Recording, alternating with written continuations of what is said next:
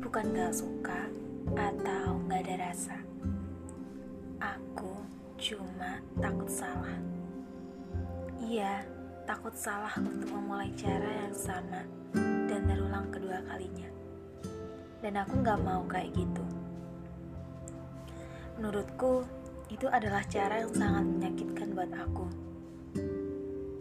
Ya, meski saat ini kamu sedang meyakini aku bahwa kamu gak sama dan gak akan buat aku kecewa.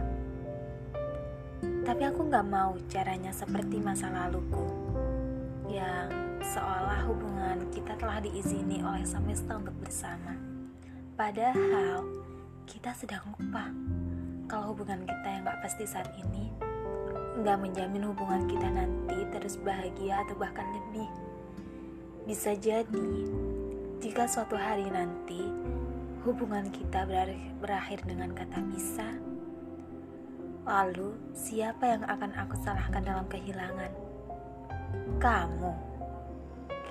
Meskipun kamu yang aku salahkan nanti, kau tidak mungkin bisa mengobati rasa luka yang terlanjur parah.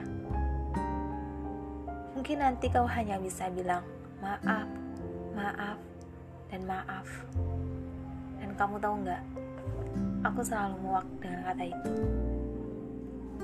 Aku nggak mau untuk kecewa lagi, patah lagi, dan bangkit lagi. Kamu harus tahu tentang itu dalam diri aku. Jadi, kalau kamu memang benar-benar menginginkan aku, tolonglah dengan cara yang berbeda ya untuk membuat aku lebih percaya.